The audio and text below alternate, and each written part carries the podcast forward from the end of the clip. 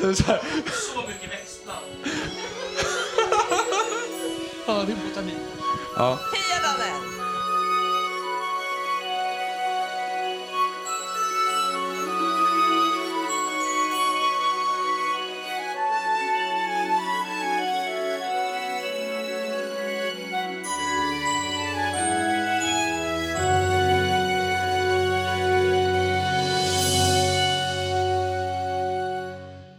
Hej och välkomna till Tolkienpoddens elfte avsnitt.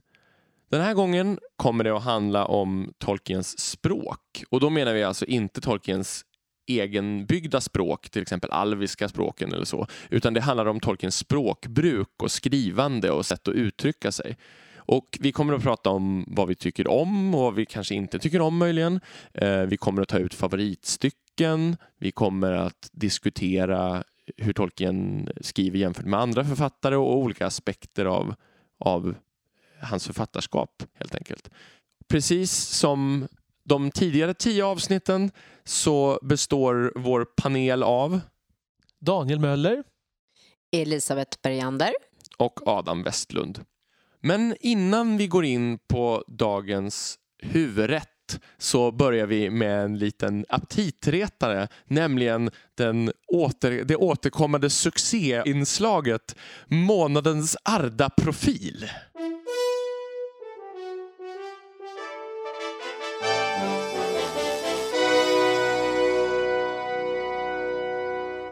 Den här gången så är det jag som har fått äran att eh, ta mig an en profil. Och eh, jag har faktiskt tänkt utsätta Daniel och Adam lite här och se vad de kan. Eh, Aj, aj, aj. Vi bävar. Ja, det gör vi. kan ju först säga att jag hade bestämt mig för att ta en kvinnlig person. Eh, och det begränsar ju något om vi tittar på Mm. Mm. Tolkiens eh, personer så är det inte riktigt eh, kvinnorna som oftast ligger i fokus. Men eh, det finns en som jag tänkte se om ni kan plocka vem det är. Och den här personen heter, eh, med risk att uttala det fel, Miriel. Vem är hon? Då ska vi se, är det Fenors mamma eller Fenors fru? Måste jag tänka. Jag överlämnar detta till vår Silmarillion-expert. Miriel är väl ändå... Alltså, eller är det Fingolfin? Det är någon av, av alvkvinnorna i Silmarillion där i... Nej, jag kommer inte ihåg om det är eh, som S- Fenors mamma eller om det är...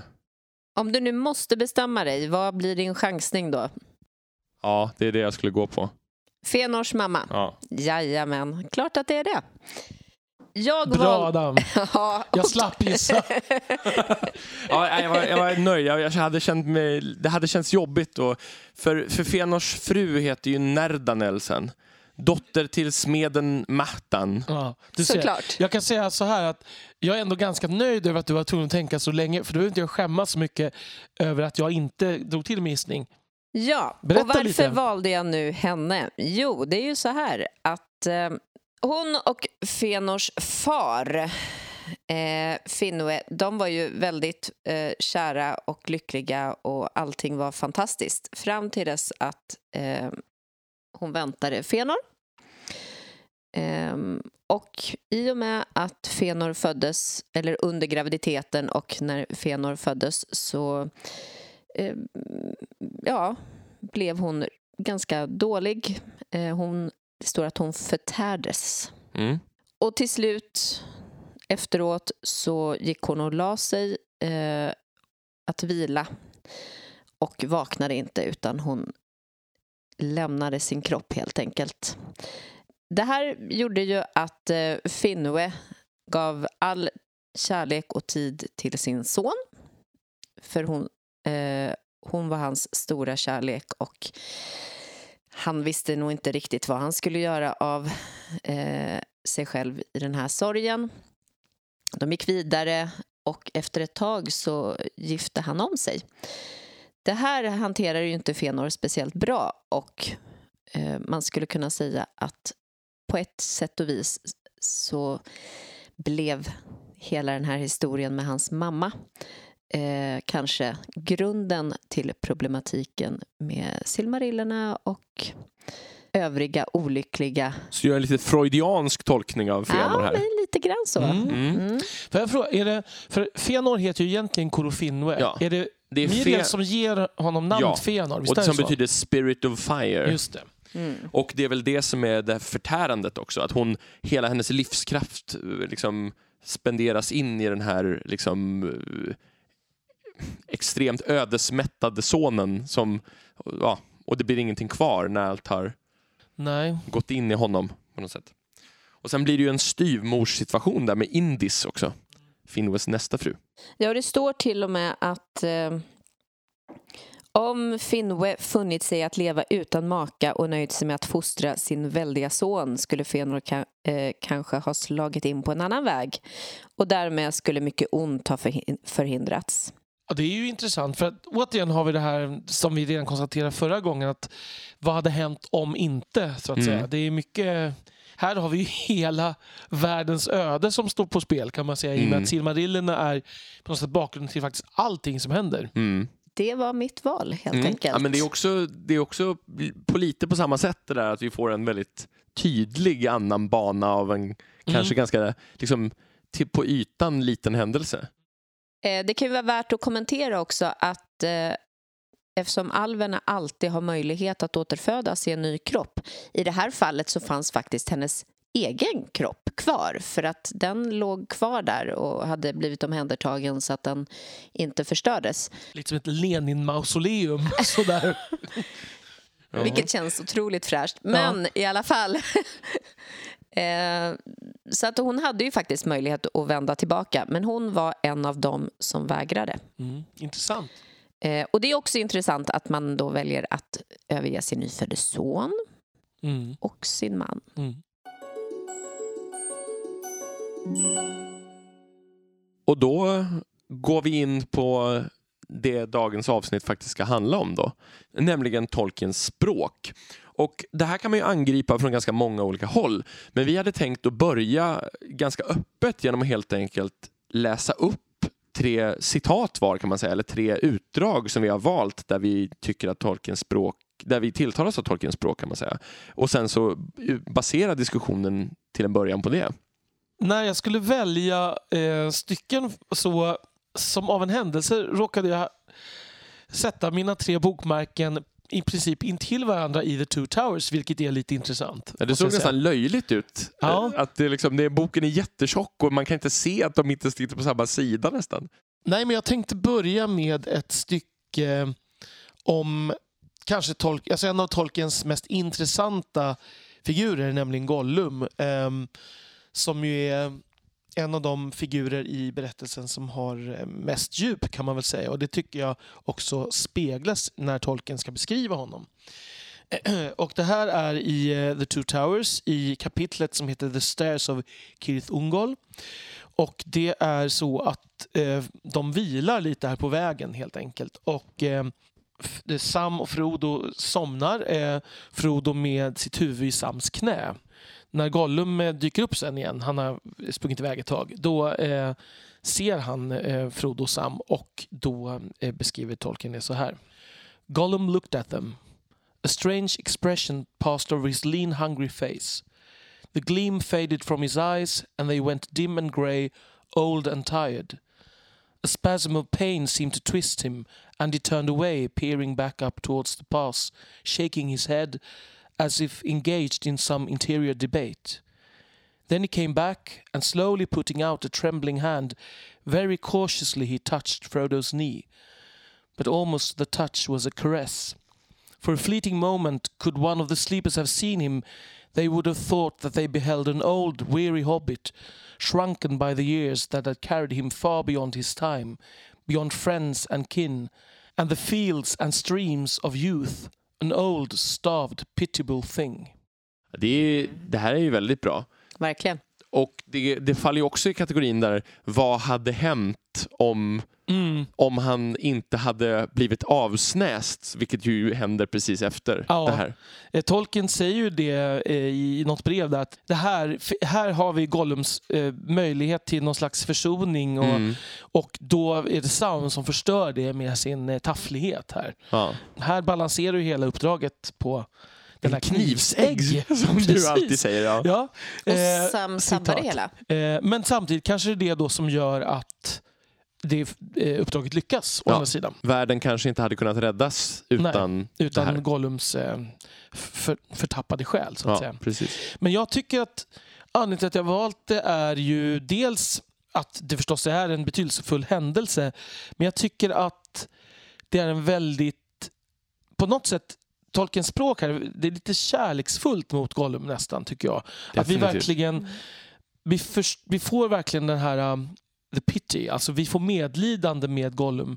Och det tycker jag hänger mycket på ordval och hur han eh, hur han bygger upp meningarna faktiskt. Alltså Mm. att han, eh, och, och man får verkligen det intrycket av att Gollum är oändligt gammal och har levt mycket längre än, än vad som är rimligt. Precis. Här tycker jag faktiskt att Tolkien hittar den här lite storslagna nivån utan att överhuvudtaget vara bombastisk. Om ni Mm, förstår vad jag menar. Det här mm. att han liksom, det där, liksom han har levt ut, vad heter det, outlived his kin och hela den där biten. Mm. Att han, att det, blir, det blir nästan lite, det blir episk nivå utan att vara pampigt. Jag tror att jag gillar stycket för att det också är ganska modernt inom citationstecken. Alltså det, det är inte... Det är, ett, det är ett försök att skriva något som är lite psykologiskt samtidigt skulle jag säga. Så det här är ju inte en isländsk saga. liksom. Nej, verkligen Ehm, inte. Utan det är, en, eh, det är något mer subtilt kan man säga, tycker Mm. jag. Det är inte så alla karaktärer beskrivs heller här i, utan det är ju verkligen hans karaktär. Han är nog den mest liksom, psykologiserade karaktären i hela hans författarskap, skulle jag säga. mm. Och det, jag tycker därför att han är väldigt intressant överlag. Det får mig att tänka lite grann på det här eh, när Bilbo beskriver hur han känner sig. Att han är eh, som för lite smör på... Alltså, han, han är på väg i den riktningen lite, att Mm. bli den här... Uttänida. Ja, Ja, precis. Man, man Mm. anar ju också här om man, om, alltså i sammanhanget och att även Frodo...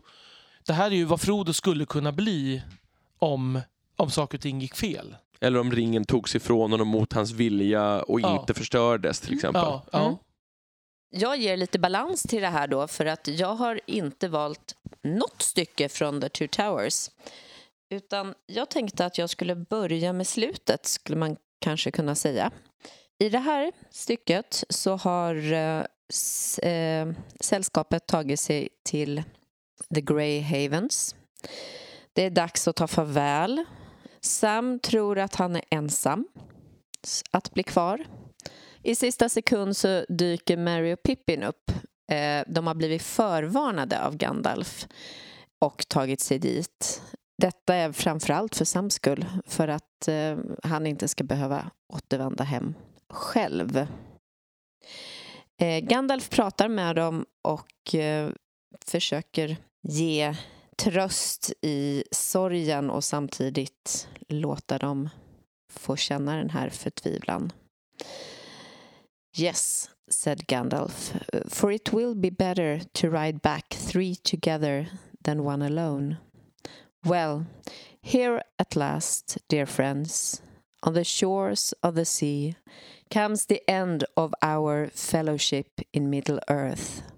Go in peace. I will not say, do not weep, for not all tears are an evil. Det här är ju något av en klassiker, Mm. skulle jag säga. Det är i Tolkien-kretsar. Det är ju en väldigt vanlig, sån här, just framförallt sista meningen är en vanlig citat. Ja. För många tycker att det är det bästa. Det är den här sista meningen som du säger, de som är den mest kända. Men helheten är ju väldigt vacker. Mm. Jag tycker väldigt mycket om det här on the shores of the sea. För det ger den här känslan av att det är på kanten av allt på något sätt. Mm. Ja, Det är verkligen slutet, Mm. det är uppbrottet, det är det Precis. sista, sista finalen. De har haft små eh, avslut tidigare, men det här är it. Och det blir som att liksom landet som går över i havet symboliserar avslutet i tiden på något sätt. Mm. Och det är oerhört mycket kärlek i det han säger. Ja, det är väldigt fint faktiskt. Och jag tycker de lyckas, det måste jag säga att jag tycker de lyckas ganska bra i, hos Peter Jackson med att skildra det här, för det är ganska svårt att få till det här på rätt nivå, tänker jag. Ja, och det här känns, var ju givet att det skulle tas med även Mm. där. Ja, vi har ju båda nu valt, tycker jag, stycken som visar någon slags lite, ändå lite poetisk ådra fast på helt olika sätt hos Tolkien. Mm. Det är en ganska medkännande författare i båda de här. Mm, mm. Alltså det är, som känner in karaktärer och det kanske inte annars är det Tolkien är mest känd för. Nej. För att frångå medkänslan och gå rakt in i eh, de dragna i svärden. Krig i tomteskogen.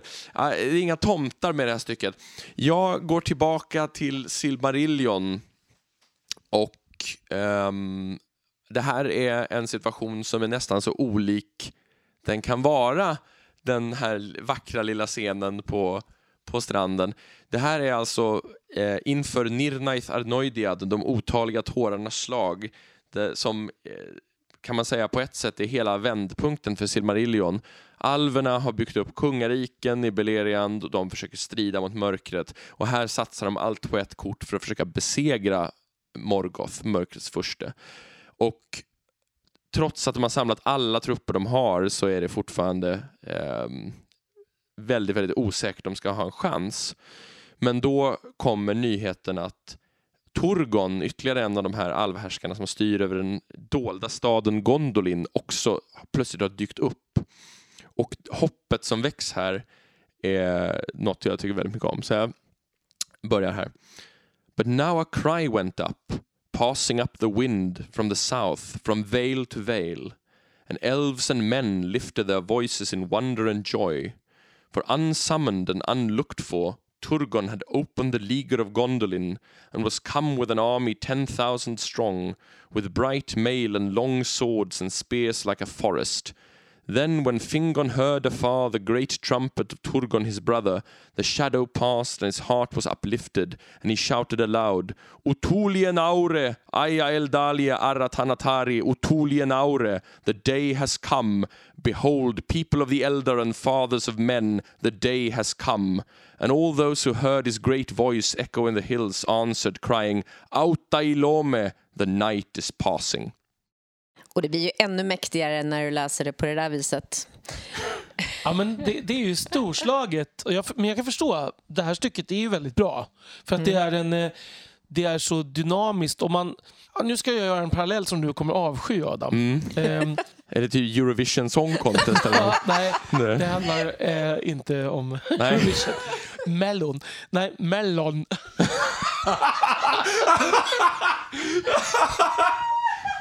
Åh herregud, det var väldigt bra. Ja, tack.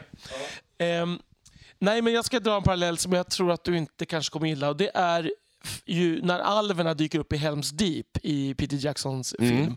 Som ju, jag menar, det finns ingen grund i böckerna för detta. Nej, nej. Och det är helt orimligt om man drar in Sista Alliansen och allting som det, som det liksom bottnar i. Som, det fungerar ju egentligen inte. Men det han säger eh, när han förklarar varför, det är att han, jag kommer inte ihåg vad det är för film han pratar om, han såg någon film när han var liten pojke där man tror att det är ett stort, det är ett stort slag som ska, som, eh, som ska till att ske och det är egentligen helt omöjligt, men så kommer en liten gnutta hopp till eh, som gör att och de har kanske en chans att klara det här. Mm. Och, så det är därför han la in de här alverna, för att på något sätt ge... Ja, det, vi ger, vi ger en, jag undrar om man, eller någon i hans närhet kanske hade tänkt lite på det här stället Ja, nästan. det, det är möjligt. Alltså, det jag känner är på något sätt, man vet ju eh, eller alltså framförallt, jag tycker det här har blivit bättre för varje gång jag läser det. För eftersom jag vet att det kommer gå så fruktansvärt åt skogen i slutet av det här kapitlet Mm. Mm. så blir det ännu eh, sorgligare och vackrare det här att de liksom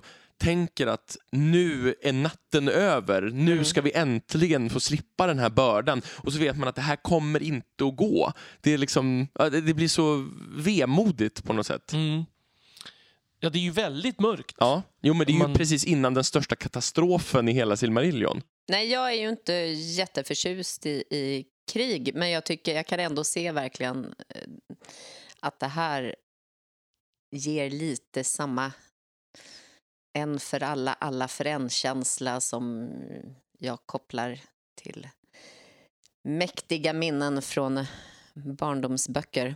Mm. Ja men det är ju väldigt mycket en för alla, alla för en. Ja. Det är, liksom, det är just det, någon kommer och liksom gänget samlar sig så att säga. Mm.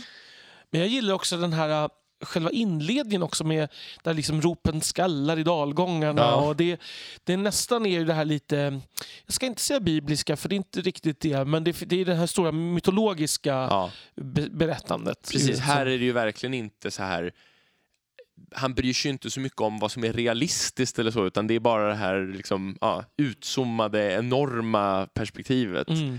Och, och sen så känner jag också att en sak som jag tycker är väldigt viktig här är det här med ropen som ju är på alviska och sen översätter tolken dem till engelska. För det är, det är en viktig del i hans sätt att liksom bygga världens autenticitet på, känner jag. Mm. Eh, eller autenticitet heter det väl. Ehm, det är som att Det blir äkta. Ja, precis. Det blir äkta. Och, och att det är som att han ork, bryr sig nästan inte om att förklara. Det är som att någon har översatt dem. Absolut. Det bidrar också till det mytologiska ju att det, det kunde vara ur nej men Iliaden Mm. eller någonting. Och det Precis. är översatt från grekiska till... Mm. Ja, men precis, Ehm. ungefär den känslan. Mm. Liksom. Och det, det tror jag, det, det, jag, tycker, jag tycker det är en jätteviktig grej. Och sen så tycker jag det här liksom att, som du säger med det mytologiska, att, he, att alla i armén ropar auta Ilome tillbaka. Ska- Hur realistiskt är det? Men, men det är precis. fantastiskt. Precis, i praktiken, hur genomför man en sån, ett sånt gemensamt Så, rop? ett, två, tre, auta Ilome! Ja. Ja, så. Jag har aldrig förstått egentligen de här äh, tal som härförare håller till sina härar. Det går, vem Nej, skulle det höra? är helt Nej, precis. orealistiskt. Men det är ju som den här fantastiska scenen i Life of Brian när Jesus håller tal på en kulle Ja, och alla, det. alla hör fel. Bergspredikan där. Ja, Ja. precis. Men jag tror också att för mig, med Silmarillion kan det ju bli lite grann bli mätt på såna här stycken och därför inte riktigt alltid kan inse hur bra de faktiskt är när man tar ut dem. Alltså jag märker nu hur bra det här stycket är för att jag får det lösryckt som ett exempel. Men när Ja. i sammanhanget så blir det, det blir så många såna här stycken och då, då, det är ungefär som att man äter samma mat hela tiden på något Ja, sätt. eller, Mm. eller får liksom äter glass dygnet runt. Ja. Det blir inte så gott längre. Nej, men exakt. Men, Lite så. Jo, men, jo, jag förstår vad du menar, men jag tror att jag är väldigt mycket mer svårmättad på sånt här Ja. generellt kan man säga.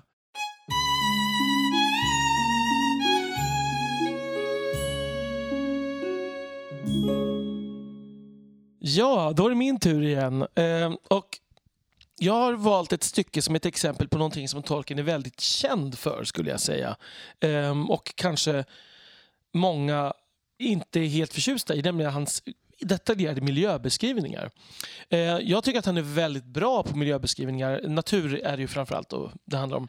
Eh, han är ju väldigt noga och beskriver ingående naturen i princip genom hela Sagan om ringen. Eh, så, tycker jag. Lord of the Rings alltså. Och jag tycker det, han målar ju upp bilder av de här landskapen eh, på ett mm, väldigt noggrant och då också tydligt sätt. Så man får en tydlig bild. Verkligen.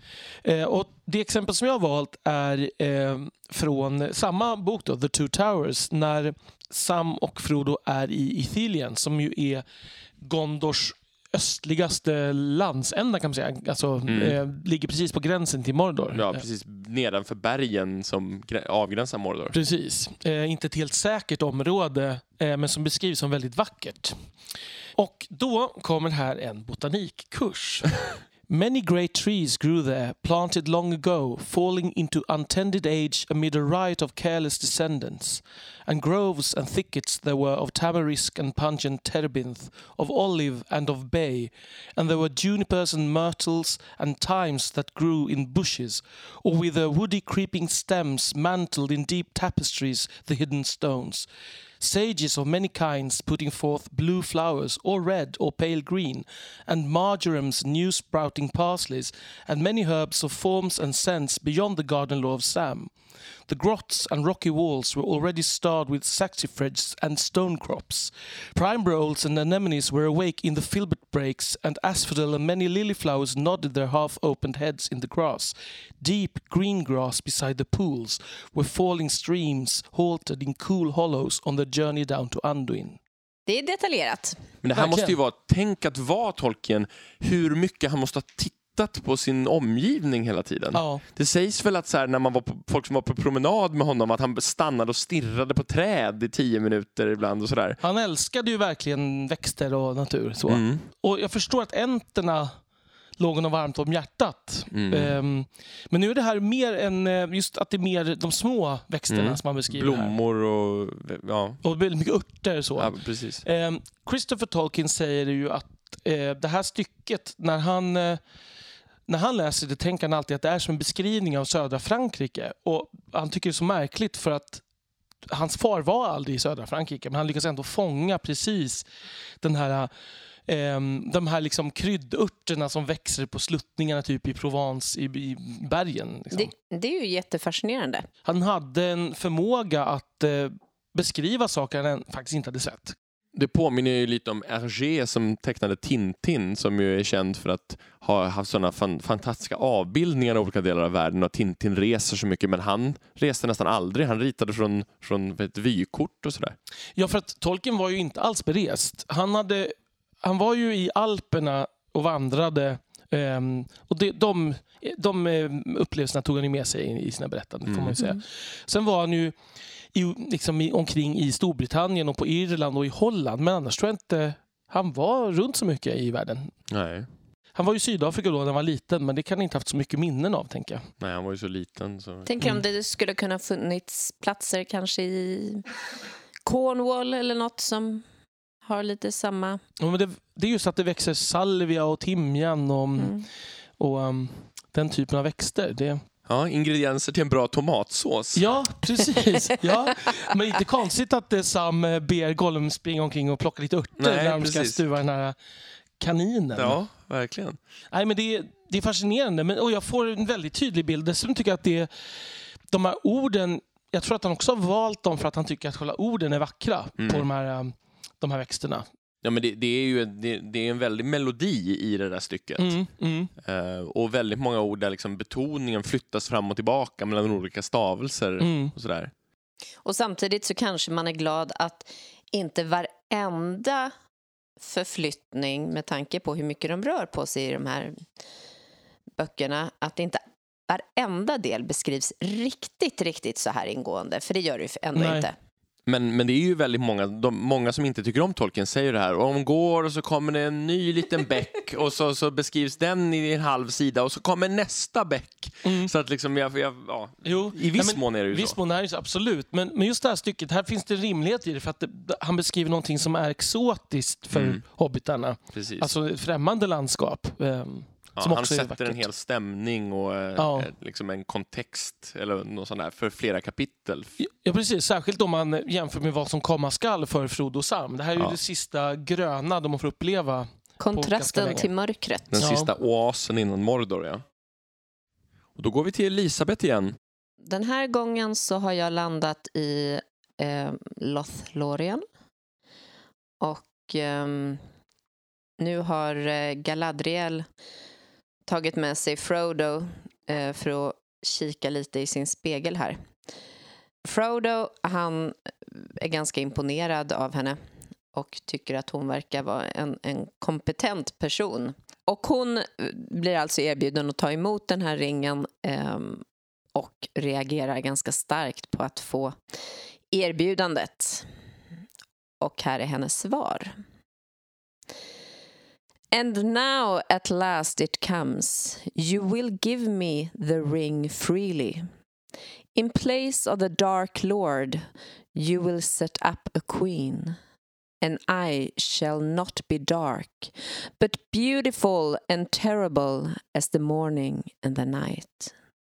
Fair as the sea and the sun and the snow upon the mountain, dreadful as the storm and the lightning, stronger than the foundations of the earth. All shall love me and despair.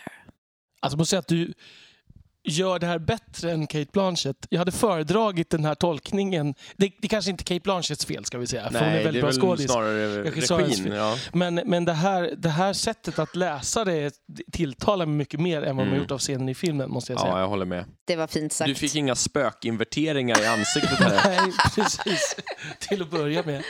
Ja, nej, jag tycker att eh, ordvalen, jag tilltalas oerhört mycket av ordvalen och beskrivningarna. Och även här kommer ju naturen och eh, alla element in. Mm.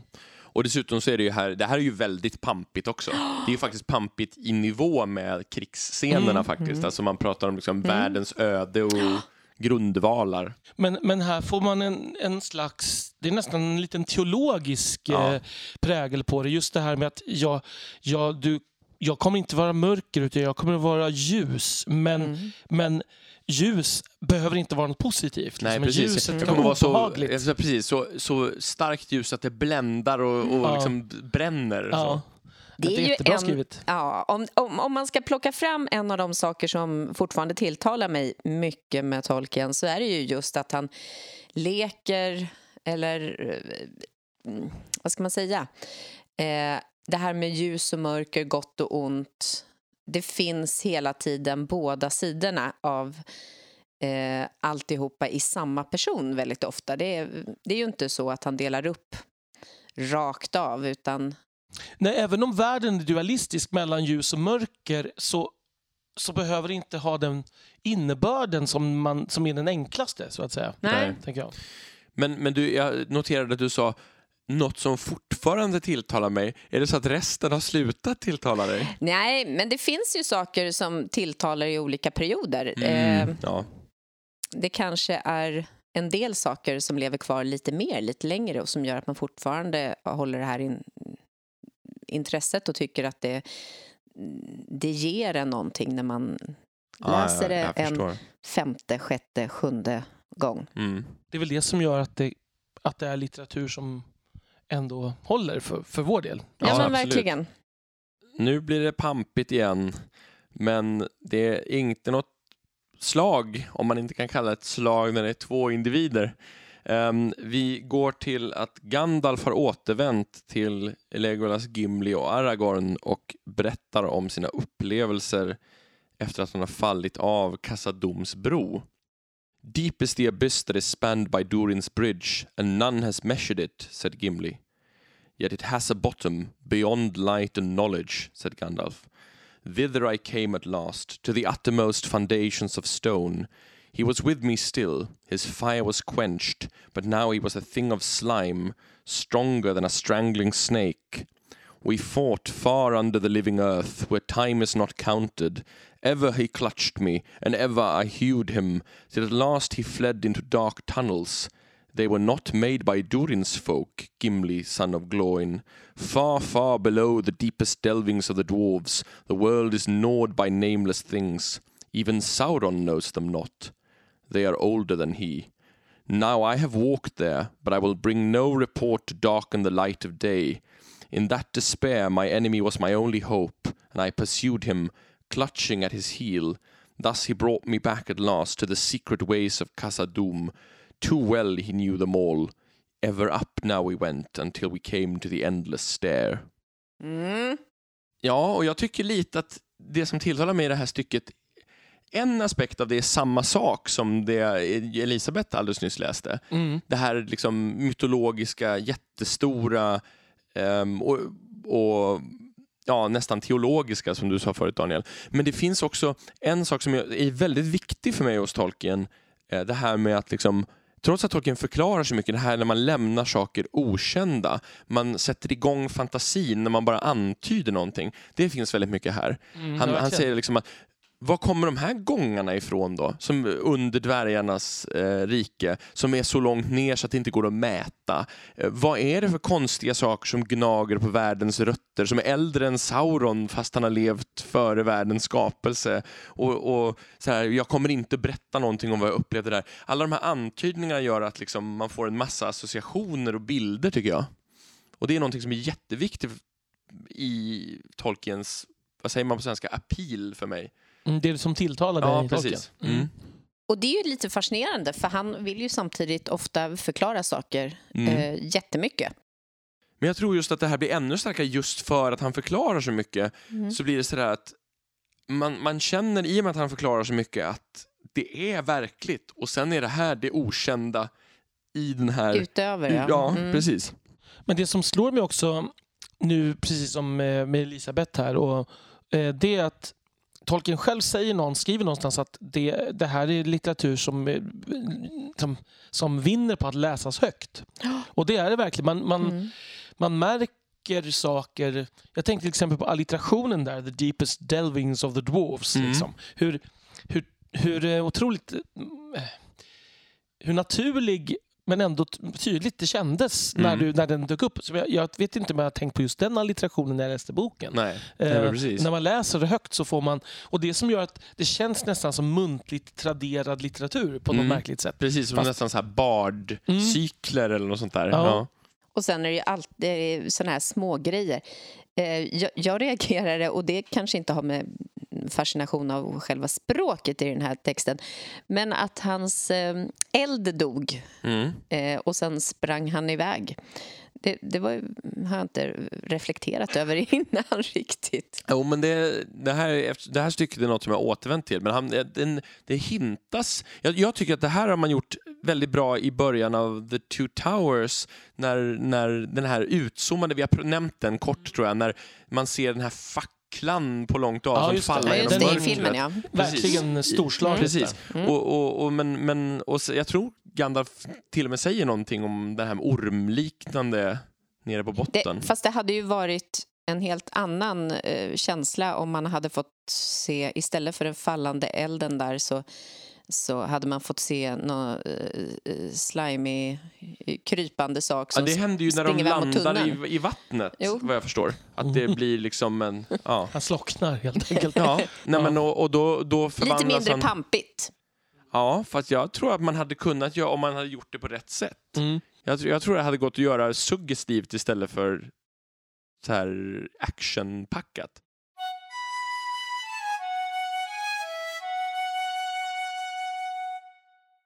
Mitt tredje stycke är också hämtat från The Two Towers, surprise, surprise. jag vet inte om det här tecken på att jag gillar Two Towers bäst. Det har jag ju aldrig trott själv. Men eh, Nej, du har aldrig hävdat det i alla fall. Nej.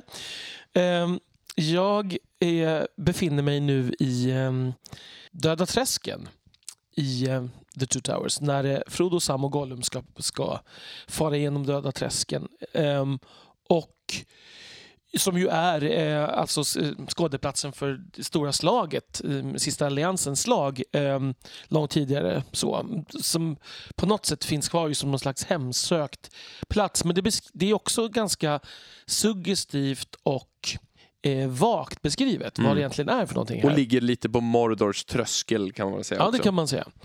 Ja, här är stycket. Det är precis när eh, de har sett de här eh, Eh, fallna krigarna och, och, och frågar sig har de sett dem på riktigt eller inte. Finns de där? Det är ju, vi pratar tusentals år efteråt. Och då är det Sam som frågar vad, vad det är för någonting. Vad är det här för någonting? Och då så är det Frodo som svarar. I don't know, said Frodo in a dreamlike voice. But I have seen them too. In the pools when the candles were lit. They lie in all the pools, pale faces, deep, deep under the dark water. I saw them, grim faces and evil, and noble faces and sad. Many faces proud and fair, and weeds in their silver hair, but all foul, all rotting, all dead. A fell light is in them.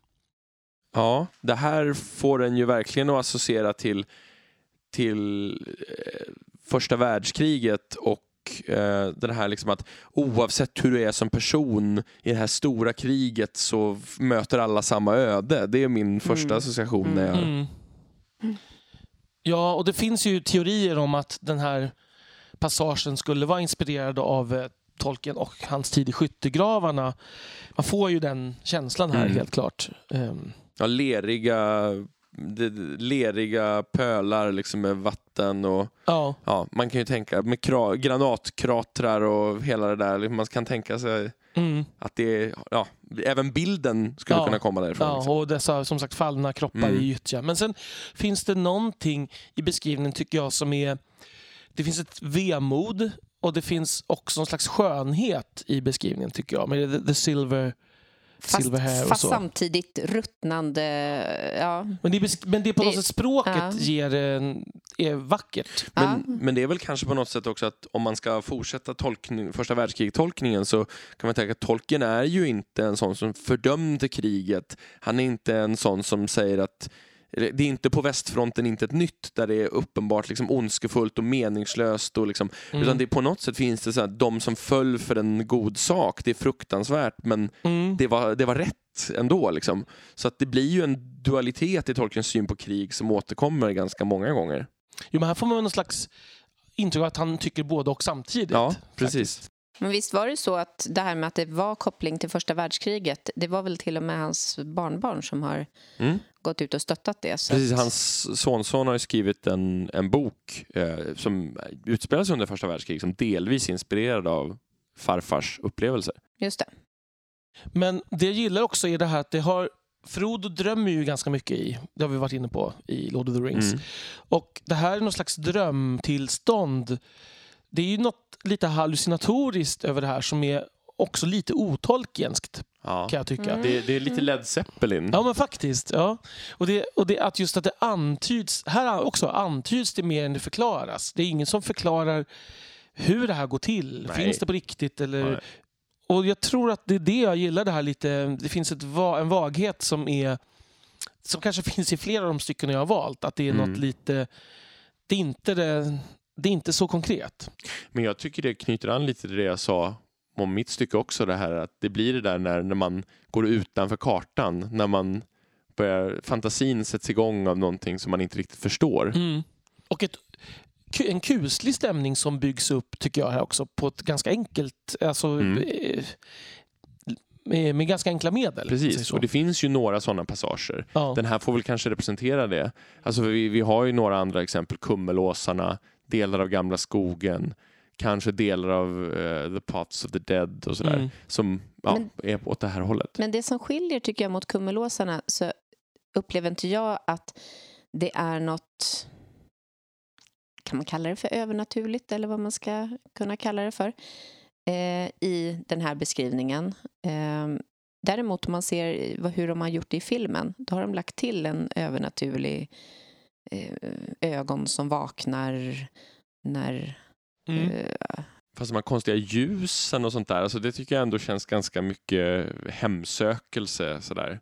Ja, kanske. Fast, fast jag tycker fortfarande att det känns mer som, som att det är... eh, Ja, men jag kan ju se just de här slagfälten med de eh, på grund av kärren bevarade och samtidigt ruttnande liken. Och, ja, Jag tänker bara att det finns något lite övernaturligt men jag tänker att faran inte är fysisk utan mental, psykisk Ja. fara. Mm. Jo, men precis. Ehm, Mm. det, det är ju att i, I boken är det i alla fall så, tolkar jag det, att man är egentligen i säkerhet så länge man inte lockas ner Mm. av de här ljusen och de här Precis. kropparna. Men Frodo är ju att- på väg ner i vattnet. ja, Och ja. lockas man ner så är inte faran kropparna i sig utan att vattnet och...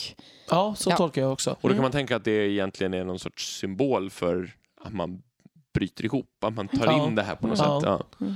Och det, och det är skillnaden mot kummel, kummelgasten som ju är en fysisk fara. Ja, det är en uppenbart spökhistoria. Fast jag tycker också i och för sig att kummelgastarna, det är bäst innan kummelgasten faktiskt dyker Ja, upp. jag förstår vad du menar. Mm. Mm, absolut. Då kommer vi till min sista eh, favorit här då. Den här gången så vänder vi ögonen mot eh, Aragorn. Han har varit vidstige, strider, som ehm, gömmer sig i kläder och utseende som, som ehm, gör honom mer eller mindre inkognito här. Eh, sen när de närmar sig hans hemland, hans fäderners borg så passerar de just hans, eh, hans ättlingar Eh, det är statyer av Isildur och Anarion. Eh, och eh, de här är väldigt stora och mäktiga och påverkar övriga sällskapet så att de hukar och tycker att det är obehagligt. Till och med Boromir hukar för statyerna. Så icke Aragorn. Fear not, said a strange voice behind him. Frodo turned and saw Strider, and yet not Strider. For the weather-worn ranger was no longer there. In the stern sat Aragorn, son of Arathorn, proud and erect, guiding the boat with skillful strokes. His hood was cast back, and his dark hair was blowing in the wind. A light was in his eyes, a king returning from exile to his own land. Ja, det är ett väldigt bra stycke. Ja, det är, jag tycker alla som Ja. vi har läst upp har ju varit väldigt bra stycken. Ja. Men ja, Men här, det, är, det är lite gåshud faktiskt. Ja, det är det. Måste jag säga. Ja, the once and future king, så att Ja. säga. Mm. Och det här är ju, vi pratar ju lite om att, att eh, Aragorn i sig själv inte kan föra eh, det här framåt för han är lite för perfekt. Han är lite killen som eh, är odödlig och på in- sin stora eh, ja, resa mot Mm. kommande segrar. Eh, men samtidigt, eh, när han faktiskt axlar manteln på något, på något vis här, jag tycker att han tar på sig rollen som han är född till, Mm. eh, så är det väldigt, väldigt häftigt och det tilltalar mig. Ja, verkligen. Det men det är också det här, det känns som att något vi kanske kommer att prata lite mer om sen, det är väl Tolkiens olika stilar och hur de låter. Men här känns det som att vi ser mitt i, alltså i början av stycket sker en växling från den mer vardagliga stilen upp Mm. till den här storslagna stilen. Mm. Då, och liksom man, det, det blir väldigt påfallande hur verklighet, återigen det här vi pratade om att Tolkien ser vissa detaljer, verkligheten nästan förvänds Mm. när Aragorn säger det här med den andra rösten och då liksom ser man honom och allt runt omkring i ett nytt ljus. Jag tycker det är fascinerande just hur han Tolkien spelar på att de här stora personerna, alltså om man uttrycker sig lite så, eh, de stora personerna som Gandalf och Aragorn, när de umgås med, med vanligt folk som hobbitarna, Mm. så går de in i en roll. Det där, och de, till och med i Bri så, så är det ju så att eh, de, Frodo väl säger att, eller på något sätt framkommer att Aragorn pratar ju som Briborna först. Mm. Men sen pratar han på ett annat sätt. Mm. Det, och det har de gjort ganska bra tycker jag i BBC-versionen som jag pratade om tidigare. Att Aragorn pratar med den dialekten som Briborna först när Mm. han dyker upp i berättelsen. Men sen går han över till att tala mer, mer the Queen's English. Received pronunciation. Ja, precis. Mm. Och det, det tycker jag att man bra att ta Mm. fasta på. För och här är ju verkligen hans, som du säger, här är hans moment där han eh, helt eh, bara kastar av sig den här kappan i Mm. princip. Och här kanske blir det tillfället, egentligen första tillfället när, när det inte blir någon tvekan om vem det är som är den stora makten. Om man tittar på honom och Boromir i, i eh, de har kastat bort snö tillsammans, de har gjort olika saker. Men här är det han som är på tronen. Ja. ja, det råder ingen tvekan alls. Och det är ju väldigt tydligt just det här att till och med Boromir hukar. Alltså Mm. det, det blir en väldigt tydlig liksom, motsättning där mellan deras två Mm. reaktioner. Ja, från um, mandom till mandom modo, modomorskedemän. Återigen då. Um, för här blir det andra um, pampiga eh, kungar. Det här stycket, de som har lyssnat på våra avsnitt och lyssnat, hört mig nördigt börjar väl bli trötta på det här stycket för det här laget. Man kan aldrig tröttna på det här stycket. Nej, det, det kan man faktiskt inte. Det kan man kanske, men, men vi, or- vi orkar en gång till. Ja. En gång till. Är det sista gången vi får höra det kanske? Inte någonsin, Nej, det tror jag det inte. tror Men heller. sista gången i podden kanske, vi får se. Kanske.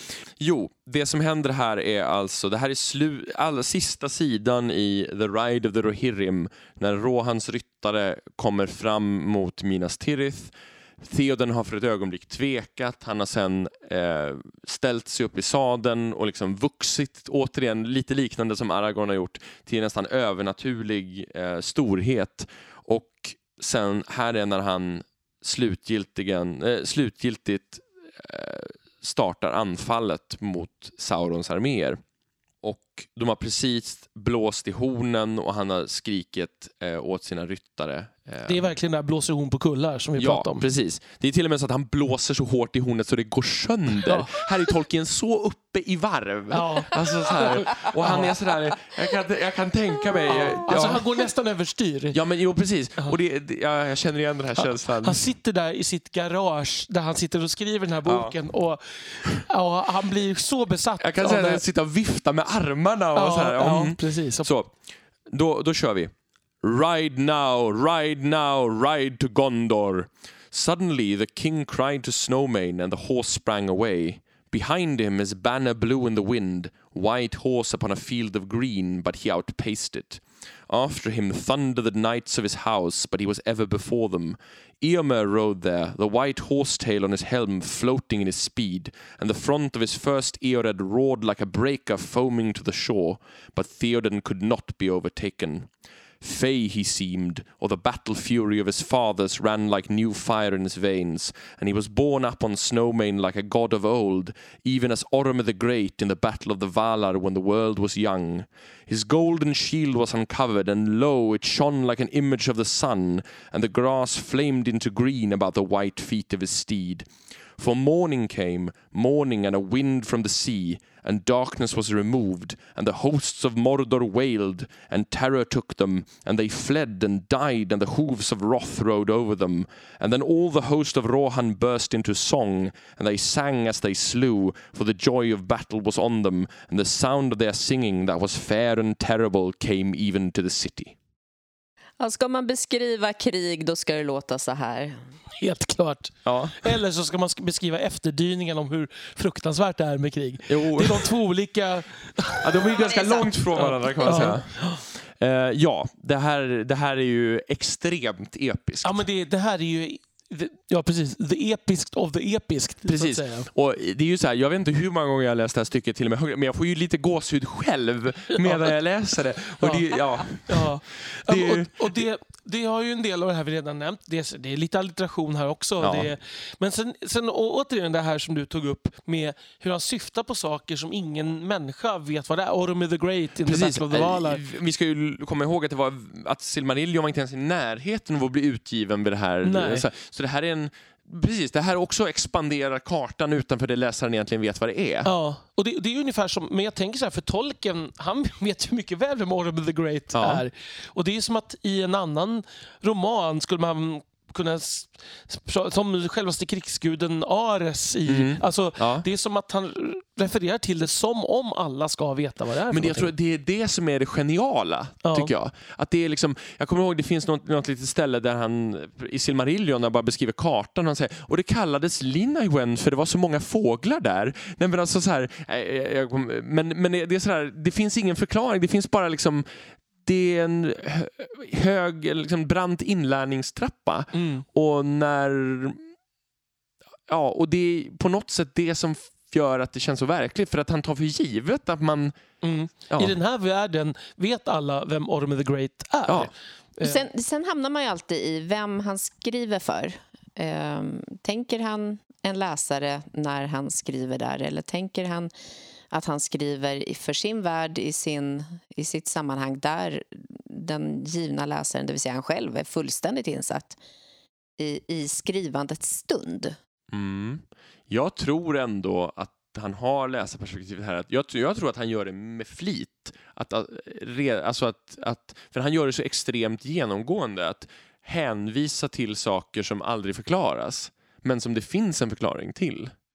Jag tror så här att när han satt och skrev till en början så skrev han väl det som, som flödade ur hans penna på något sätt, tänker jag till stor del. Och, och hans, hans plan, planeringsförmåga när han skrev var ju inte alltid den bästa. Men sen gick han ju alltid tillbaka och reviderade allt en miljard gånger. Mm. Ehm, Så att varje ord är, som han skriver är stött och blött så många gånger. Så att jag tror, man kan säkert tänka sig att han... Det är från början skrivet för honom själv men vid, vid, när han sen har gått igenom det så har han ju ändå, tänker jag, sett det med andra ögon, tänker jag nog ändå. Reflekterar över dess funktion i ja, texten. Ja. Med tanke på att det här är en av böckerna som faktiskt gavs ut Mm. som ett färdigt material av Mm. honom. Så. Jo, men den, precis. Det var ju, den, var ju, den skrevs ju för att ges ut. Ja. Det är ju bland få saker som gjorde det. Mm. Alltså, The Hobbit Precis. skrevs ju inte från början för att ges ut riktigt heller. Och Silmarillion trodde han ju väl egentligen ingen att det skulle ges ut någonsin. Så det här är ju verkligen det enda som, som medvetet skrevs för att nu ska vi ge ut en bok som uppföljare till The Hobbit. Mm. Mm. Men om man tänker på språket, det är ju också, återigen är det ju, tänker jag, lite kontrasterna mot det som sker runt omkring. För att vi har ju även, i, så i närområdet i boken finns det mer vardagliga berättarperspektiv Mm. ändå, Mm. tänker jag. Och vi har även faktiskt ju det är ju inte i det här kapitlet, men det är ju närheten i tid, det här eh, som jag nämnt tidigare också, när man, de kastar över de här huvudena Ja, det hände ju i kapitlet innan. Ja, som ju är den andra sidan Mm. av krig kan jag tycka. Mm. Där det inte är, finns inget storslaget över det utan det är bara vidrigt. Mm. Det här, och, då, och så har vi det här som dyker upp som Återigen det här mytologiska att Mordors härar de bara klagar. Av, de Mm. gnyr nästan Precis. i... Men det här är ju så här Geijer och Ja. Tegnér-känsla Ja. liksom, på det. Liksom. Precis. Ja, men Den, u- de utvalda... Liksom, det, det finns ju någon typ av liksom, förhärligandet av, av Rohirrim här också. Mm. Liksom, hur de är liksom, ödets budbärare på något Mm, sätt. Mm. Vilket är lite härligt, för de känns ju annars som att de ofta är liksom eh, på rangordningen under. Mm. Men det är Så. väldigt, alltså Tolkien pratar om det här att Rohirrim är folket på väg upp och Mm. att Gondor, dvärgarna och alverna alla är tynande. Mm. Mm. Och att liksom, det ska leda in till det här anglosaxiska som, som ju Rohan representerar. Ja, men det är väl lite som att Tolkien kan nog i, i vår värld tänka sig att ja, visst, han erkände ju att Rom och det gamla Grekland och Egypten och alltså allt, alla dessa kulturer var högre stående än den anglosaxiska men han älskade ändå den anglo- anglosaxiska kulturen mer. Precis. Mm. Eh, den stod för någonting tror jag som han identifierade sig med och hade värden tror jag som han uppskattade. Mm. Ehm, Ja, det är en väldigt bra parallell. det, för att det finns ju inget dekadent i detta. Det är det som är skillnaden. Det finns ju en viss dekadens i Gondor och Mm. även bland alverna på, på sätt och vis. Skulle man kunna säga. Men, men anglosaxarna här, alltså Rohirrim, de, de har ju någon slags ren...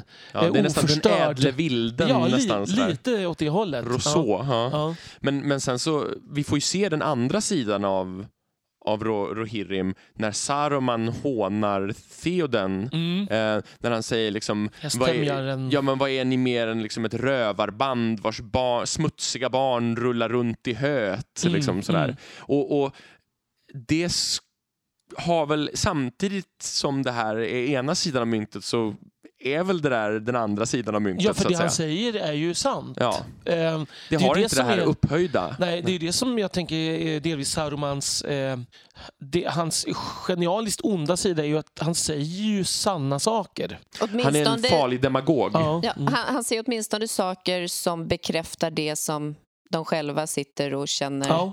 Alltså, Eller oroar sig över. ja, Ja. men, ja, men Mm. det känns som att Theoden är ju verkligen killen som går och oroar sig över just det. Mm. Och sen så i det här sista slaget som han är med om så, så reser han sig. Och intar sin rättmätiga Ja. plats bredvid sina fäder. Ja, Mm. men det är väl stort för honom. In the halls of Valhalla where the brave may live forever. Nej, men det är lite den Ja, känslan. Alltså. Valkyrierna kommer och hämtar Ja, honom på slagfältet. Ja. ja, och nu när vi har, är klara med favoritstyckena så kanske vi ska gå över till att diskutera några andra aspekter av Tolkiens skrivande som kanske inte kommer fram jättetydligt i just de här styckena. Och en sån viktig motsättning är den mellan hög och låg stil. Jag tycker vi har hört betydligt mer hög stil än låg stil i de här styckena vi har läst. Mm, vi har Ja. Hög stil och medelhög stil kan man Ja, säga. jo men precis. Absolut. Mm. Han anpassar ju verkligen språket till personen.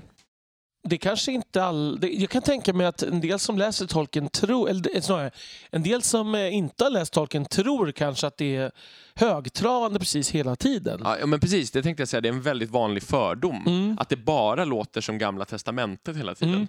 Som det, vi kanske nu har förstärkt då genom att plocka ut såna här... Jo, det Mm. finns väl en risk för det. Vi skulle ha tagit något när hobbitarna ska tvätta tårna istället. Samtidigt så är det ju många som fastnar i början av eh, Fellowship of the Ring där det ju verkligen inte är en hög stil. Nej, precis. Ehm, och det, när vi ska säga Fast det är alla låg bäckar, tror jag. Ja, men, men, men jag tror att... Fast det är ju många som har svårt med det här evinnerliga födelsedagskalaset som Åke Ormarks tror jag pratar om. Ja. Eh, men, men jag tror att vi ska bara definiera hög och låg stil. Det betyder ju inte att det på något sätt är bättre eller sämre utan det är vad ska man säga, hög, hög, med högt tonläge och med mer vardagligt tonläge kan man Precis, säga. liksom pampigt eller vardagligt Ja. kan man säga. För han skriver ju jag skulle säga att han skriver med god kvalitet i båda stillägena Ja, absolut. Och många gånger så växlar Tolkien också fram och tillbaka eh, mellan de här tonlägena. Och jag tycker att hobbitarna får ju väldigt ofta representera det här vardagliga tonläget för de blir läsarens ögon in i det här eh, alltså, som även för dem är en extremt främmande och nästan obegriplig fantasivärld ibland, trots att de lever i den, men de tar sig utanför fylkes gränser. Mm. Och då tänker jag att det blir, när till exempel Sam pratar med Galadriel, så pratar Galadriel väldigt omsorgsfullt med ganska fina akademiska ord och Sam använder ganska mycket slang och, och liksom talesätt som man förknippar med, med arbetarklass eller kanske med ehm, Lantbönder, Ja, tänker jag. bönder Alltså, mer med. Ja, lantliga mer, dialekter precis. snarare. Jag, jag tänkte just bara kommentera det där också att även bland hobbitarna så är det sociala skikt och där Absolut. blir ju Sam kanske den som verkligen får representera bondlurken. På många sätt och kontrasten blir därför som störst eh, mellan honom och Galadriel inte så stor mellan Frodo och Galadriel. Nej, precis. Nej, för både... Alltså Merry och Pippin tillhör ju de så att säga, nästan kungliga ätterna i Ja, den Fylke kan man extrema säga. överklassen. ja, i ex, Fylke. ja, adeln i princip. Och, och Frodo är ju en övre medelklass kan man ju säga. Ja. Skulle jag säga. Alltså att han är en... Alltså han är borgare Mm. eh, och de är adel lite Precis, det, är, det är fylkes utsugning. Ja. Det är, Sam borde organisera massorna. Ja, ja. Pippin är kanske något mer oborstad adel än vad Mary Men han är en sån här, du vet, miljonär som, som går i skitiga kläder för man inte orkar man inte bryr sig om pengar. Man är old money liksom, så man inte behöver eh, visa någonting. Brat. Ja, nej, nej, nej, tvärtom. Utan man är, man är gammal, man, har så, man är så van vid att ha pengar så man inte gör en grej av det. Ah, okej. ja, och jag tänker också att han är lite... Han är ju så ung, Pippin. Att han Mm. är lite, leker av sig lite. I, ja, sen ska han ju bli, bli Fame. överhuvud Ja. i, i to, familjen Tok. Liksom. Men, och Tolkien säger själv att han, han menar att hobbitarna kan ju bli ganska odrägliga om, om man skulle följa dem, alltså de mest vardagliga hobbitarnas liv. Men, och att Sam, han han menar att Sam räcker i princip. Men att Sam också har försonande drag för hans enorma kärlek till eh, liksom Frodo och, och, och att han har ett, han har ett intresse för att lära sig mer saker. Han är extremt öppen. Ja. Eh, och så, som ju gör att, jag menar, jämfört med många andra eh, hobbitar som vi inte får följa så är ju han så, så är han, ju ändå, han är ju ändå en unik hobbit på många Verkligen. sätt. Och dessutom så en annan sak vi ska tänka på är det här hur, hur stort det blir i det här perspektivet. Hur mycket de fyra hobbitarna har vuxit när de kommer hem och möter utmaningen att Fylke har förvandlats. Mm. Och då ser vi ju plötsligt hur annorlunda de är från de hobbitar vi följde i början. Lite roligt eller fascinerande eh, att adel, adelskillarna ändå följer borgar Frodo och ser honom som, som lite sin ledare. Men det är väl det här lite att det, det är ändå, vad ska man Men, säga? det, men, men Frodo är ju, tillhör ju, han är ju hälften Brandybuck. Mm. Så han är ju hälften adlig kan man ju säga. Baggins är ju, som jag har tolkat en, en borgerlig Ja. släkt och Brandybuck är ju mer en adlig släkt. Så att, Mm. Och sen tror jag så här att Gammal är äldst. Ja, men jag tänker också klassamhället i Fylke är, var nog mer tolerant kan jag tänka mig än klassamhället i England. Men jag tänker också att det är Tolkiens idealiserade bild av Mm. ett klassamhälle. Jag menar, Mm. konservatismen vill ju framställa klassamhällen så här. Som att det här, det liksom, hög och låg kan enas och ta sina olika roller och platser i samhället. Jag tänker att det, Tolkien var konservativ och såg på sånt här på ett positivt sätt. Om Tolkien hade varit liksom George Orwell eller Ernest Hemingway Mm. som hade försökt sig på hobbitar, då hade det sett väldigt annorlunda ut. Verkligen. ja. men, men jag tänker lite grann bara, alltså, vi får följa, i början är det mycket hobbitar och, och just hur otroligt inskränkta de är och, och när de sitter på um, värdshuset och, och samtalar och så här, just hur, hur eh, hur de liksom ifrågasätter. De säger ju till exempel Baggins is his name but he's more than half a brandybuck. Alltså att det är verkligen, de, är, de är inte öppna för nymodigheter. Nej, och så. och de, de vill Eh. inte se längre än näsan räcker. De, vet inte, de, vill inte ens, de har inte ens varit i liksom Nej. bockrike. Så. Och allt som de inte förstås på det är queer. Ja, Eh, I den gamla betydelsen då. Ja, precis. Det är inte Tolkiens hbtq-engagemang Nej. som visar sig här. Nej, det, sy- tyvärr måste jag säga. Ja, det hade nej, det är varit- väl en, av hans brister. Ja. ja. Men apropå hög stil, jag tänker också ett intressant fenomen i en del dålig fantasy hur man använder thou och thee och thy och thine på fel sätt. Mm. Det, det har ju blivit... Eh, alltså när Tolkien använder thou, som ju är det, det gamla engelska ordet för du, Mm. då använder han just som svenska du och använder you som ni, som, Mm. som ett niande.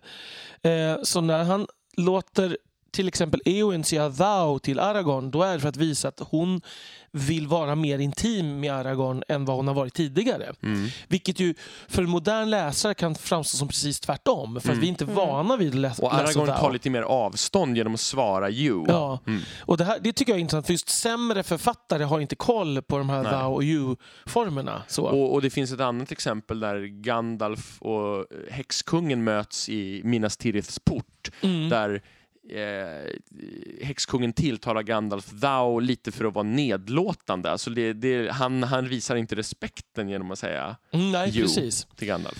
Det här är ju intressant. Om man sjunger och jobbar med gammal engelsk körmusik, vilket jag har gjort, eh, då är ju, alltså i, i, engelska sakral, i engelsk sakral musik använder man ofta thou God till exempel. Mm. Och då är det ju du Gud. Det låter ju som att man är väldigt högtidlig gentemot Mm. Gud. Men egentligen är det att man är Gud är det närmaste man har. Då. Personlig. Ja, Och precis. det är väl något av det här som är ganska viktigt i protestantismen. Ja. Att man har den här personliga relationen till Gud. Som liksom den engelska kyrkan är ju ändå en del av den protestantiska traditionen Ja, på det sättet. Att man inte har de här här kyrkan, och påven och helgonen som mellanled som i katolicismen.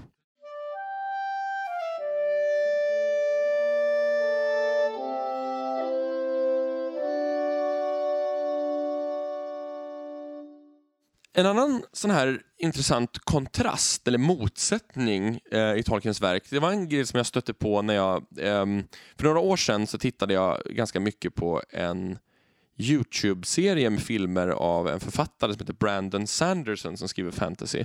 Han höll eh, skrivarkurser och de spelades in och lades ut på Youtube. Kanalen heter Write About Dragons tror jag.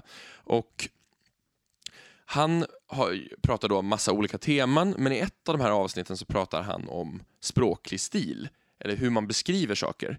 Och, eh, och hur, man, ja, hur, man, hur man använder språket helt enkelt. Och då pratar han om två Eh, att George Orwell till exempel hade eh, beskrivit sitt skrivande som att det är en glasruta, en helt polerad glasruta så man ser precis allt in till karaktärerna. Medan han, och, och det är ingenting mer än så. Jag beskriver bara vad karaktärerna gör och säger. Medan han då menar att många andra fattare som, försöker, som vill vara mer poetiska kan man jämföra med ett kyrkofönster, att de lägger in färger så att det ska bli, eh, så att det ska, man ska se verkligheten på ett nytt sätt och att poesi fungerar så. Det, det, liksom, det pratar om, ibland om ganska vardagliga saker men man ser det genom det här vackra färgglada fönstret så får, ser man det på ett nytt sätt. Och Brandon Sanderson hävdar då att en del eh, litteraturkritiker och så har menat att det finns en Uberpros som lyckas kombinera de här två samtidigt och då säger han att Tolkien är ett av de vanligaste exemplen som folk tar upp bland de som hävdar att det går att skriva på båda sätten på en gång. Alltså att vid första anblick så är det väldigt rakt och man kan följa det och sen ju mer man läser noggrant så framträder kyrkofönstrets eh, utsidade sida, så att säga. Det är väl en ganska bra beskrivning. Um, och det är väl lite det vi har varit inne på, att, att som, det som gör honom intressant och hans böcker intressanta, att man faktiskt har de där lagren. Mm.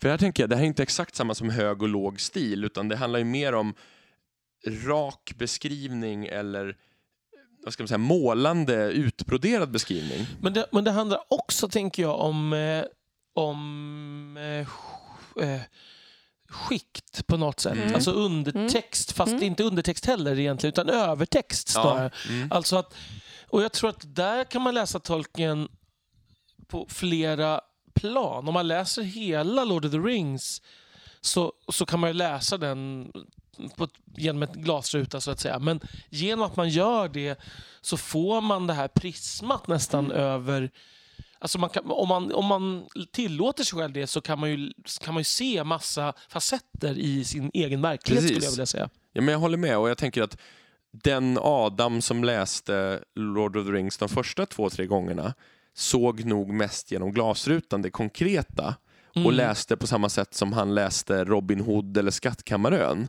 Men det, hela det här poddprojektet är ju bevisligen så att fler och fler facetter i det här kyrkofönstret har framträtt med mm. åren kan man säga. Mm. Och de facetterna behöver ju inte vara författarens egen utan det kan vara egna facetter. Man, man, mm. Men för jag tänker också att annars så skulle det inte gå att läsa. Alltså Tolkien, det här har vi också varit inne på, men Tolkien säger ju att Lord of the Rings kristet verk omedvetet vid första skrivandet, medvetet när han gick igenom det en gång till. Mm. Um, och det är ju verkligen, själv, då tar ni själv upp det här kyrkfönstret då lämpligt nog. Ja. uh, för att, för att på, på ytan så att säga är det ju inte det. Nej. Det finns ju ingen Jesusgestalt på det sättet. Det, alltså, det är inte en kristen värld vi lever i. Eller allegori eller, eller kyrka. Eller, ja. mm. Men däremot så är det, det kyrkfönstret man kan se igenom kan man se, man kan välja att se det genom ett kristet kyrkfönster. Precis, man, man, kan se att det är det underliggande temat och strukturen och budskapet snarare än konkreta inslag som mm. är kristna. Mm. Jag vill tro tror jag, att den här kyrkfönstret, om man ska vara lite personlig, har nog just Lord of the Rings-kyrkfönstret tror jag har format mig en del som person. Mm. Alltså i, i, inte kanske på ett kristet sätt då, men, men ändå en del värderingar Ehm, det finns mycket konstiga värderingar i Lord of the Rings, men det finns också värderingar som är mer eh, allmängiltiga, tänker jag. Så jag skulle säga Tolkien och Mupparna mina, är mina två stora förebilder på många sätt, tror jag. Mm. Alltså, Tolkien, Tolkien har ju det här kända citatet om, om, alla, om fler personer uppskattade eh, liksom, att sitta i, sitta i väst i solskenet och äta svamp och röka pipa så skulle världen vara bättre. Nu mm. citerar jag, eller parafraserar jag väldigt ja. fritt, men ja. ja. Helt klart. En annan motsättning i Tolkiens språk som man kan lyfta, som ju lite anknyter till hög och låg stil kan man ändå säga. Mm. Det är ju den här uh, kontrasten mellan en gammaldags stil och en modern stil. Um, och då med gammaldags menar vi inte 1800-tal utan vi menar vi som Eddan. Beowulf. Beowulf, mm. ja. Precis. Um, och det här Tolkien själv lyft upp. Han skrev ett brev till Hugh Brogan som eh, han menar, alltså Hugh Brogan hade skrivit till tolken och klagat lite grann på att, eh, att, att hans språk var liksom högtravande i onödan, lite tramsigt typ. Eh, och då Tolkien tog själv upp ett exempel på arkaiskt språk och då säger ju Theoden att Nej Gandalf, said the king, you do not know your own skill in healing. It shall not be so. I myself will go to war to fall in the front of the battle if it must be. Thus shall I sleep better. Och och då skriver tolken själv om det till modernt språk. Eh, på modernt språk då skulle, skulle Theoden ha sagt Not at all my dear G, you don't know your own skill as a doctor. Things are going to be like that. I shall go to the war in person even if I have to be one of the first casualties. Och så säger tolken att men vad skulle Theoden säga sen? För att en person som pratar på det sättet kan inte säga på det sättet då skulle jag sova bättre i min grav. Alltså det, det, den stilen går inte, skulle inte gå ihop med moralen eller med den, eh, de, de värderingar som personerna har. Så att han, Tolkien menar att stilen är anpassad efter den, den värld och de, de människor som befolkar mm. den. Det går inte bara att översätta Nej. till modern engelska. Alltså begreppsvärlden och sättet och hur man, hur man ser allt runt omkring sig formas också av språket. Mm. Och, och, språket formas återigen av det också, så det är liksom, de mm. går in i varandra. Och Jag tror att Tolkien menar, och där tror jag han är rätt, den här arkaiska stilen inte den, samma som den här väldigt blommiga, eh, ordrika, högtravande bibliska stilen. skulle jag säga. Utan det är mer en kärv, korthuggen stil som inte är svår att förstå egentligen. Det är bara, den är bara ovan för en modern läsare att, att man uttrycker sig mm. så. Och en annan aspekt av det här som du nämnde i början av avsnittet något om isländska sagor när du sa att det här är inte isländsk saga. Men det, det är ju det här liksom avståndet det är det här lite distanserade där man inte går in i karaktären utan man får läsa in känslorna um, utifrån. Det är ju någonting som är väldigt typiskt för äldre, eh, framförallt äldre nordisk litteratur. Um, isländska sagor till exempel, där det kan stå en mening som en dag stod han på tunet och det, vi får ingen förklaring till vad det egentligen innebär. Vi får läsa in de känslor som, som vi förstår måste finnas under ytan. Och det är någonting som jag tycker speglas ganska mycket i, i den här kärva forntida stilen som Tolkien använder ibland i sådana här passager. Kanske framför allt kopplat till Rohan i just Lord of the Rings. Ja, det kanske passar extra bra ihop med Theoden för att en kung kanske inte skyltar alltid med sina inre känslor och tveksamheter inför olika uppgifter. Ja, efter det här, om man ska börja sammanfatta lite, så kan vi säga, tycker jag, att man, man, man märker att Tolkiens stil är en stil full av motsättningar eh, och att Tolkiens språk är mycket mer mångfacetterat än det kan verka vid första anblick. För som vi sa förut så tror jag att väldigt många som inte har läst Tolkien tänker sig att det är, det är väldigt pampigt, det är väldigt gammaldags, det är väldigt högtravande det är, och sådär. Men de, de ser inte att det finns i princip lika mycket av motsatsen och att det är nog den här blandningen och den här ibland ganska geniala, skulle jag säga, krocken mellan de här två nivåerna olika, eller de här många nivåerna eh, som har tilltalat så många läsare. För jag, jag tänker bara i det här sällskapet tror jag att om man klippte ut den ena eller andra nivån så skulle man skrämma bort åtminstone två av oss. Jag tror att jag skulle försvinna om den högre nivån klipptes bort och Elisabeth skulle försvinna om den lägre nivån klipptes bort. Det jag, tror jag också. Jag skulle försvinna om någon klipptes bort. Ja, men precis. Men du är alltid i mitten. Ja, exakt. Så skönt. um, jag tror att en del av det Tolkien gör är subtilt i allt. allt alltså, det är både subtilt och eh, väldigt tydligt på samma gång. Men jag tror för en modern läsare som inte är insatt i allt det han var insatt i så kan en del av till exempel det man skulle kunna kalla högtravande stil och det vi skulle kalla då för arkaisk stil var väldigt lika fast egentligen två helt olika saker. Ja. Eh, när, alltså skapelsemyten i Silmarillion är väldigt högtravande biblisk King James Bible-stil mm. medan Medan den här Theodens eh, Allitterationer ja, på slagfältet. Det är ju den fornengelska som är en helt annan stil. Men för en jag tror att för många läsare kan det där blandas ihop till en allmän gammaldags ja, stil. för att det är så svårtillgängligt och långt ja. bort från... Jag vill inte det har sagt att det på något sätt vi skulle vara mer... Men, vi, men, men jag tror att man, man kan, om man liksom börjar läsa tolken noggrannare så ser man de här skillnaderna. Och vi har ändå läst tolken noggrant får man ju säga. Ja, det måste man ju ändå hävda. Ja. Ehm, och även i den vardagliga stilen har vi varit inne på att det är från Sam till Frodo är ett väldigt stort avstånd. Ja. Det jag tänker är ju att Tolkien är ju en av de författare som jag läser väldigt mycket för språkets skull. Um, och, in, och, naturligtvis för, för handlingens skull. Det är ju väldigt bra handling och världsbygget. Så. Men, men, eh, men, men det, språket är en väldigt stor del av det. Eh, därför också som där med översättningsfrågor kan vara så intressant för Tolkien. För hur fångar man alla de här nivåerna? Eh, men det finns andra författare som jag inte läser lika mycket för språkets skull. Utan som jag läser för att åh, det är en bra berättelse. Och sen kan det finnas författare som jag läser mer eh, i princip bara för språkets skull, Mm. inte så mycket för handlingens skull. Men jag kan tänka mycket annan fantasy, även annan fantasy som är bra, kan ju ligga mycket mer åt den här gla- orwellianska glasrutan. Ja. Jag tycker till exempel att George R. R. Martin har ett väldigt enkelt språk. Ja. Det, och där är ju handlingen i fokus, helt Ja. klart. Det, finns inget, det finns inte så mycket poesi i det språket, Nej. så att säga.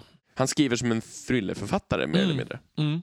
Det är för många trådar där för att man ska hitta underlager på lager Mm. dessutom. Men jag tror inte heller det är lika mycket syftet. Han har inte lika många symboliska idéer och tankar med sitt skrivande och då tror jag inte att det blir de här poetiska inslagen, för de behövs inte då. Ja, då har vi ju pratat och analyserat en hel del här om språket och det är dags att runda av. Men innan vi avslutar så vet jag att Adam, han vill gärna få besök.